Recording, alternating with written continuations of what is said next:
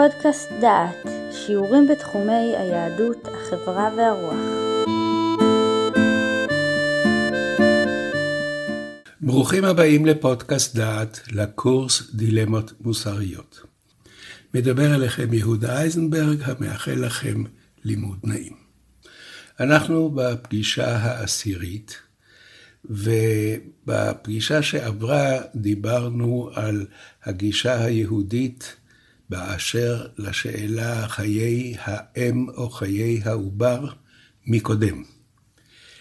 בשיחה זו אני אסקור בקצרה את הגישה הנוצרית ואת תופעה, ותופעה שהתרחשה באירלנד בקשר לנושא זה. מדבר אליכם יהודה אייזנברג, המאחל לכם האזנה נעימה. סוויטה הלפנאואר היא הודית שגרה בעיר גלווי באירלנד. היא רופאה, והיא הייתה בהיריון, ובשבוע ה-17 להיריון שלה היא החלה הפלה טבעית. הפלה טבעית זו הפלה שהיא מתרחשת באופן טבעי, בלי, שלא בגלל התערבות חיצונית, אבל כאשר ההפלה הזאת מתרחשת, יש צורך להתערב, שאם לא כן, אפשר לגרום למצב שהאימא אה, תמות, בגלל דימום ותופעות נוספות שמתרחשות בגלל הלידה. אה, הלפנאואר הייתה בת 31 כאשר היא הגיעה לבית החולים. היא הייתה במקורה, כפי שאמרתי, ילידת הודו, והיא מתה תוך כדי הפלה. הרופאים באירלנד טענו שחוקי המדינה הקתולית אוסרים לקיים את תהליך ההפלה הטבעית כל עוד ליבו של העובר פועם. כיוון שכך הם עמדו מן הצד ונתנו לתהליך הטבעי לפעול. שלושה ימים לאחר בואה לבית החולים, הן סוויטה והן העובר שלה כבר לא היו בחיים.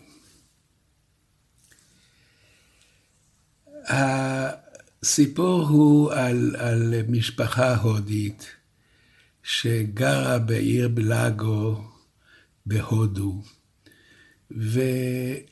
והמשפחה הזאת דחפה את בתם ללמוד. היו להם שני אחים גדולים, וסוויטה הייתה האחות השלישית. סוויטה פגשה באמצעות אתר הודי את בעלה, ברבין, שהוא היה מהנדס. ולאחר היכרות, עברה סוויטה לגור באירלנד יחד עם בעלה, ועבדה כרופאת שיניים.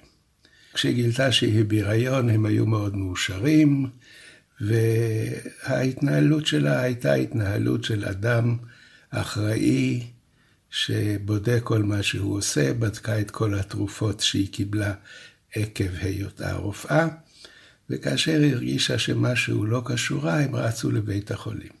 לאחר שהגיעו לבית החולים, הרופאים אמרו להם שהכל בסדר, אבל למחרת החל אה, דימום והחלו נוזלים אה, לדלוף, צוואר הרכב התכווץ, והיא הבינה שהיא בעיצומה של הפלה טבעית. בזמן שהיא הגיעה בשבוע ה-17 להיריון, אין סיכוי שהעובר ישרוד. העובר היה בדרכו החוצה, עובר בן 17 שבועות איננו שורד. התשובה של הרופאים הייתה, אנחנו באירלנד, וזה החוק הקתולי. אנחנו וכל בית חולים אחר לא יכולים לעשות דבר עד שפעימות הלב ייפסקו, פעימות הלב של העובר. כל עוד העובר חי, דהיינו ליבו פועם, לא יעשו הפלה, כי ההפלה תהרוג אותו. אבל האי הפלה יכולה להרוג את סוויטה. והיא ניסתה להתווכח ולשכנע שהיא איננה קתולית אלא הינדואית, ובדת האינדית אין שום בעיה להפסיק הריון שהוא ממילא אבוד. והרופאים סירבו לקבל את דבריה. היא אושפזה, קיבלה אנטיביוטיקה, ביקשו ממנה להתאזר בסבלנות. הוריה הגיעו מהודו לביקור, והם לא הבינו מה קורה, הם חזרו להודו לאחר שהיא התאשפזה.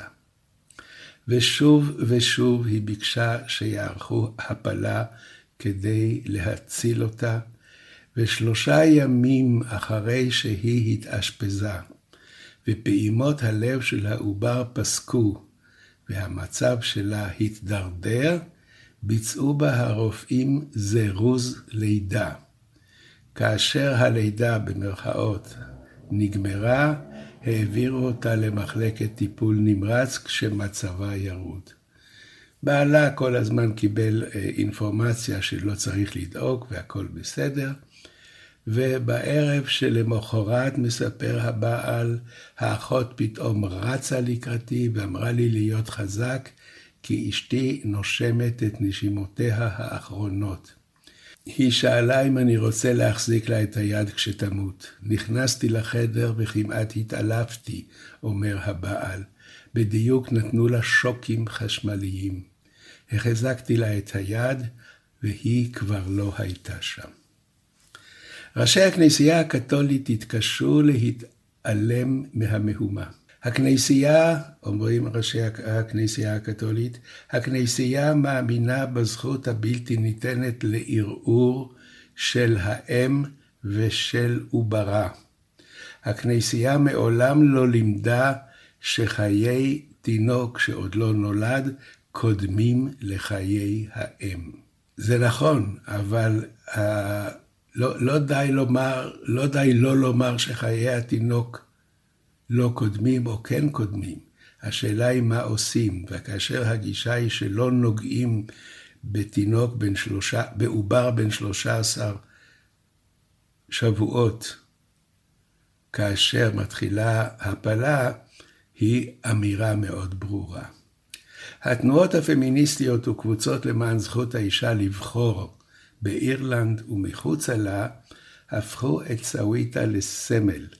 והם נשבעו שלא ינוחו עד שיבטיחו כי היא האישה האחרונה שתמות אי פעם, מפני שהמדינה סירבה להעניק לה הפלה.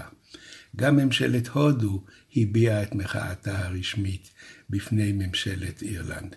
לא רק על מותה של סוויטה, אלא גם על הכפפת החוק הקתולי על אוכלוסיית מהגרים בני דת אחרת. זה הסיפור של סוויטה. והסיפור הזה משקף את הדברים שאמרתי כמה פעמים, את התפיסה הנוצרית האומרת, אם אתה עושה מעשה טוב ומטרתך טובה, אתה לא נרתע מתוצאות רעות שיהיו. במקרה הזה, הרופאים לא רצו לבצע הפלה שתגרום למותו של העובר. אבל בסופו של דבר הם גרמו למותה של האם, ויחד עם זה העובר לא שרד. זוהי דוגמה למה שאנחנו עשינו בפרק הקודם, ובפרק הקודם הגדרנו זאת בקיצור.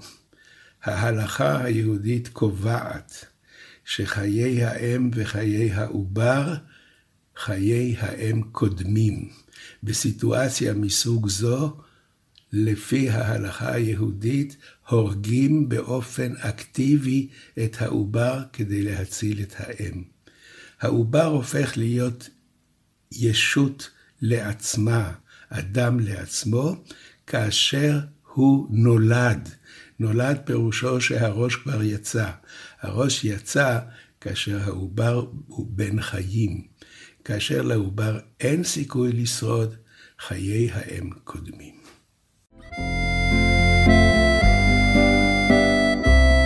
שמעתם שיעור מתוך הקורס דילמות מוסריות, מאת פרופסור יהודה אייזנברג. את הקורס המלא וקורסים נוספים תוכלו לשמוע באתר דעת במדור פודקאסט.